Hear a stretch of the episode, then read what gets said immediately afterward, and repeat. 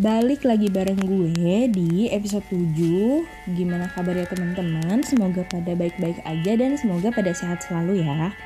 Udah hampir satu bulan berarti dari terakhir kita ngobrol bareng dan berdiskusi bersama gitu. Uh, Dan beberapa waktu yang lalu akhirnya gue uh, sebelum membuat podcast ini gitu gue mencari-cari dulu kira-kira uh, teman-teman yang dengerin podcast ini tuh lagi pengen ngobrolin apa, lagi pengen sharing apa dan lagi pengen dengerin apa gitu. Nah, dari beberapa diskusi atau kayak ngobrol yang gue lakukan dengan pendengar, beberapa pendengar gitu, yang banyak di mention gitu adalah tentang uh, jadi ada beberapa hal, tapi terus gue rangkum gitu, jadinya yang banyak gue dapatkan adalah tentang relationship uh, entah itu tentang relationship dengan apa ya love interest ataupun dengan social circle. Ada juga beberapa yang mention tentang topik toxic friendship toxic relationship tuh kayak gimana yang kayak gitu. Terus yang banyak dimention orang juga adalah tentang sosial media yang menurut gue memang sangat erat sih dengan kehidupan kita sekarang ya. Uh, kayaknya nggak uh, bisa lepas gitu kita dari sosial media. Nah kalau untuk yang sosial media ini, uh, gue udah cukup lama menyiapkan materi untuk hal ini, tapi uh, menurut gue diskusinya akan lebih apa ya hidup atau akan gue akan dapat perspektif baru kalau ada teman untuk uh, ngobrolin tentang hal ini dan kayak gue mau ngajak salah satu teman gue yang emang apa ya menurut gue dia sangat erat aja sih kehidupannya dengan sosial media dan karena jadwal kita sama-sama belum ketemu nih gitu jadi belum bisa bikin untuk yang tentang sosial media tapi akan segera ada entah di episode berapa tapi gue janjikan akan ada tentang itu jadi ditunggu aja.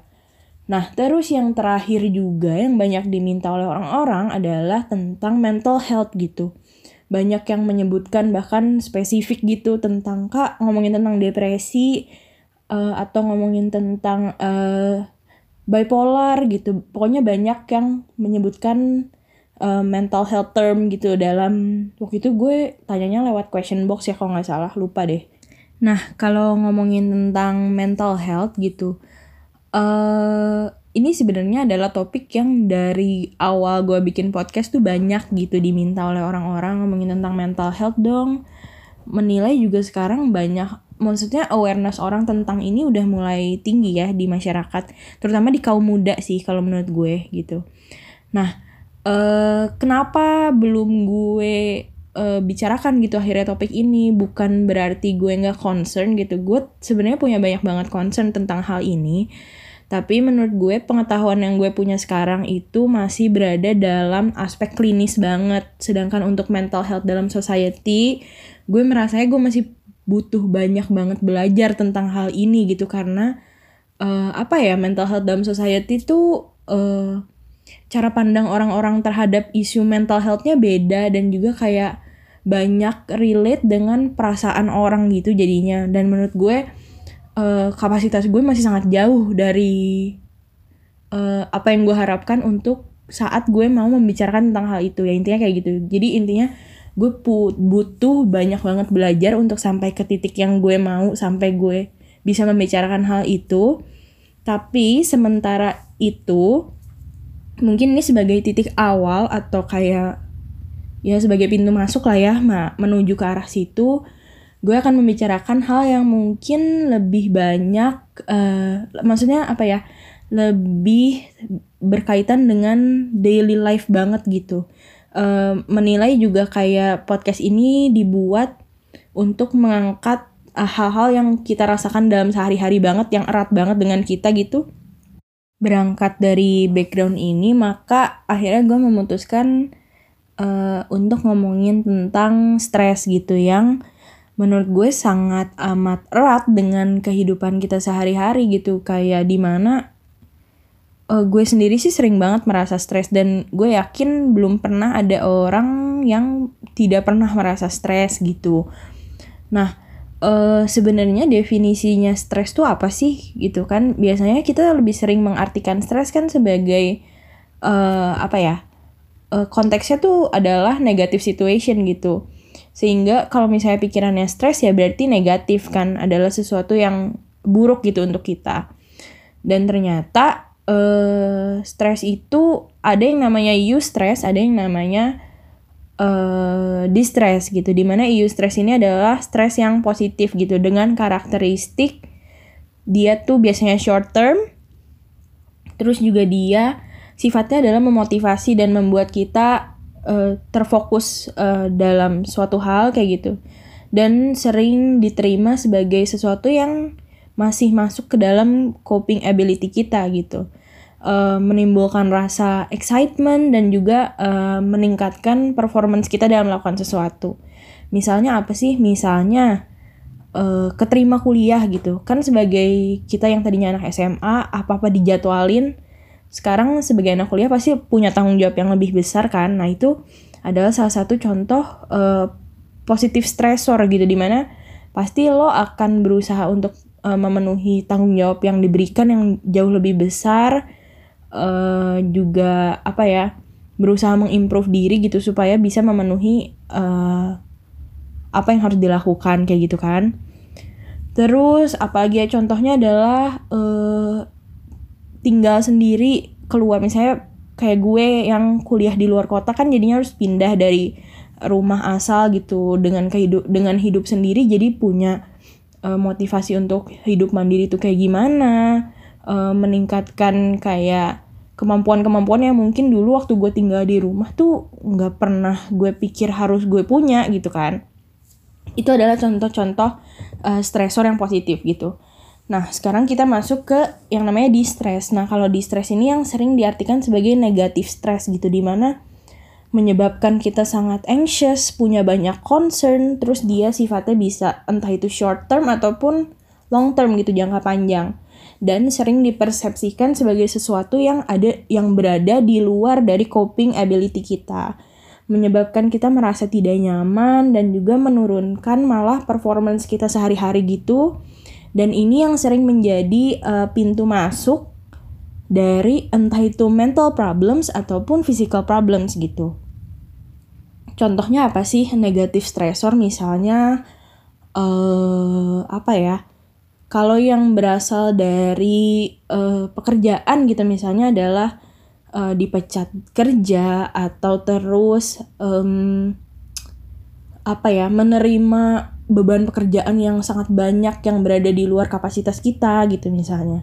Kalau yang berasal dari internal tuh misalnya adalah ketakutan, entah itu ketakutan akan ketakutan akan masa depan misalnya atau ketakutan akan uh, ketidakpastian atau ketakutan akan orang lain misalnya public speaking ataupun social anxiety kayak gitu. Ataupun misalnya uh, orang-orang dengan tendensi perfeksionis yang punya banyak ekspektasi tinggi gitu itu juga bisa menjadi sumber distress gitu untuk kita. Nah uh, terus kalau misalnya kita lagi menghadapi hal-hal kayak gini gimana caranya kita menghadapinya gitu kan? Uh, mungkin gue akan banyak ngomongin tentang yang berhubungan dengan uh, pekerjaan ya ataupun tanggung jawab maksudnya stres yang disebabkan oleh tanggung jawab gitu dan kalau kita membicarakan stres yang berhubungan dengan uh, pekerjaan gitu, mungkin kalian nggak asing dengan istilah yang namanya hustle culture atau uh, apa ya, di mana kayak um, semakin banyak bekerja tuh kita akan semakin sukses gitu. Tapi apakah benar? Ini ada salah satu uh, apa ya, bukan artikel sih, kayak microblog gitu yang gue baca dari uh, Instagramnya Makotoh ID yang merupakan platform edukasi dan diskusi yang dijalankan oleh Dr. Raihan Maditra seputar kesehatan dalam keseharian gitu. Uh, lebih banyak tentang mental health juga sih sebenarnya. Nah di uh, di sini uh, dikatakan kalau misalnya sering gak sih kita tuh berlaku terlalu keras pada diri sendiri dan menetapkan berbagai target dalam waktu yang singkat sampai kita tuh bekerja sangat keras dan mengabaikan kesehatan gitu. Nah, ini adalah uh, yang biasanya sering disebut dengan hustle culture di mana itu adalah gaya hidup seseorang di mana dia tuh harus uh, apa ya? bekerja secara terus-menerus untuk mendapatkan kesuksesan atau dalam konteks negatifnya dapat disebut sebagai gila kerja gitu. Dan mindset seperti ini sering kali tuh dimiliki oleh generasi muda karena dengan adanya akses sosial media yang mudah juga membuat kita tuh gampang membandingkan diri dengan orang lain gitu. Uh, jadi uh, generasi muda ini memiliki banyak tujuan yang ingin dicapai dalam waktu yang singkat kayak gitu kan. Uh, efeknya apa sebenarnya hasil culture ini? Nah, dengan waktu bekerja yang banyak yang terus-terusan itu belum tentu ternyata sebanding dengan hasil produktivitasnya. Bisa aja waktu kerjanya panjang tapi ternyata produktivitasnya tuh menurun karena kita sebagai manusia kan pasti merasa lelah gitu ya. Uh, terus uh, cara mencegah perilaku bekerja secara berlebihan ini gimana sih gitu kan? Ya kita harus ingat kalau setiap manusia itu ada batasnya, tidak mungkin bekerja secara terus menerus kayak gitu. Jadi kalau dari uh, Makoto ini menyarankan untuk menerapkan 888 yaitu adalah 8 jam untuk bekerja, 8 jam untuk istirahat, dan 8 jam untuk tidur. Istirahat tuh lepas dari kegiatan tapi bukan untuk tidur gitu ya mungkin. Dan juga kayak kita tuh harus mengenal setiap manusia itu unik dengan kelebihan dan kekurangannya masing-masing. Terus kayak belajar merasa bersyukur dengan apa yang udah kita miliki dan uh, kalau misalnya lagi istirahat tuh gunakan waktunya dengan baik. Uh, usahakan kayak misalnya matiin notifikasi yang berhubungan dengan waktu kerja dan lain-lain kayak gitu. Itu yang uh, disampaikan oleh Makotalk ID. Kalian bisa cek Instagramnya karena menurut gue ini adalah salah satu uh, platform yang uh, gak tau sih gue suka banget bacanya. Kayak sekarang kan daripada kita baca sebuah artikel yang panjang gitu akan lebih mudah dan lebih menyenangkan aja sih lebih mudah diterima untuk membaca microblog kayak gini ya dengan adanya ilustrasi dan lain-lain. Jadi menurut gue ini adalah sebuah platform yang cukup menarik gitu. Oke okay, uh, eh, kita akan balik lagi tadi ya tentang menghadapi stres. Tadi balik lagi dengan hustle culture dan yang menurut gue menarik dari hal ini adalah dengan mudahnya akses kita terhadap sosial media kita sering kali membandingkan diri kita dengan orang lain yang membuat kita memiliki kecenderungan untuk memiliki gaya hidup yang hustle culture itu tadi ya. Nah, gue cukup setuju sih dengan pernyataan ini karena gue udah pernah bilang juga di uh, episode sebelumnya ya dengan kita uh, dengan kemudahan akses ke sosial media sekarang sering kali kita merasa insecure karena pencapaian-pencapaian orang lain gitu jadinya membawa kita ke tadi yang disebut dengan hustle culture itu mungkin. Uh, selain itu, uh, gimana sih? Tadi kan udah disebutkan ya beberapa cara untuk menghindari stres yang diakibatkan oleh uh, hustle culture gitu. Terus juga kalau misalnya cara lain untuk menghadapi stres tuh kira-kira apa sih? Mungkin yang banyak uh, bisa diandalkan oleh orang-orang atau banyak dilakukan orang-orang adalah bercerita gitu ke orang lain uh, kalau gue sendiri gue tuh orang yang sebenarnya mungkin personalitinya sih ekstrovert ya. Gue lumayan gampang gitu berbicara dengan orang lain. Tapi untuk membicarakan masalah gue sendiri ini teman-teman deket gue sih kayaknya tahu. Gue tuh jarang banget membicarakan masalah personal sama orang lain gitu. Karena atau biasanya kalau gue cerita sebenarnya itu tuh udah nggak gue rasakan gitu. Jadi uh, udah berapa lama gue udah merasa oke okay, udah saatnya gue cerita baru gue cerita. Gue jarang banget meminta opini orang untuk masalah gue tuh kira-kira penyelesaiannya gimana ya itu tuh jarang banget. Jadi biasanya kalau sedang merasa stres hmm, malah gue banyak mengambil waktu sendiri gitu untuk menghadapinya dibandingkan bercerita dengan orang lain. Tapi mungkin ada orang-orang yang lebih nyaman untuk membagi itu dengan orang lain itu bisa dilakukan banget ya terutama sama orang-orang yang lo percaya dan memang a good listener gitu. Misalnya bukan orang yang suka membandingkan masalahnya dengan masalah lo gitu. Uh, karena banyak juga orang yang uh, apa ya mudah melepaskan stres dengan berbicara dengan orang lain se ini kalau nggak salah ya gue pernah baca salah satu proyeknya UNICEF Indonesia bersama dengan duh lupa. Tapi gue pernah baca di websitenya. Itu uh, selama COVID-19 ini kan banyak orang yang merasa uh, stres ataupun tertekan terutama dari banyaknya konten sosial media yang mereka baca. Sekali lagi ya kayak sosial media itu sekarang uh, sebuah apa ya kayak besar banget lah pengaruhnya dalam hidup kita gitu. Banyak orang yang merasa stres karena setiap hari lihat sosial media uh, sedangkan dan kayak membuat mereka insecure kayak gitu. Nah di era covid-19 ini si UNICEF ini membuat program kayak COVID-19 Diaries gitu buat uh, buat para remaja yang mungkin merasa stres gitu ya. Jadi mereka bisa curhat lewat entah itu video ataupun apa pun kayaknya video gitu deh. Terus nanti setiap berapa minggu ada kayak semacam zoom consultation gitu sama orang yang uh, sama tenaga profesional gitu. Jadi menurut gue kalau misalnya kalian memang orang yang mudah menyampaikan uh, sesuatu secara verbal hal ini bisa menjadi hal yang sangat membantu gitu. Nah sedangkan untuk ini sharing pengalaman gue sih berarti kayak uh, cara gue menghadapi adalah uh, yang pertama yang paling mudah untuk gue lakukan adalah uh, take your time away from the stressor dulu gitu yang paling penting.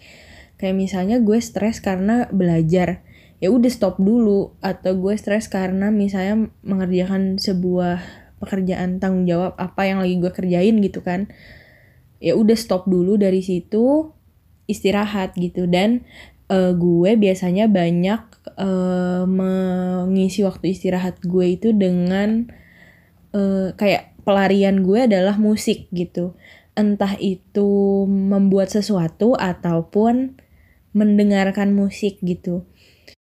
Mungkin kalau orang-orang lain yang punya hobi lain ya yang mungkin suka menggambar ataupun suka masak gitu pelariannya bisa ke situ. Tapi kalau buat gue sendiri uh, menuangkan apa yang lagi gue rasakan menjadi misalnya uh, apa ya kayak gue bikin voice note pendek di handphone entah itu melodi ataupun kayak lirik asal atau nulis di notes lirik asal gitu uh, itu adalah sebuah konversi pelepasan stres yang buat gue cukup berguna gitu.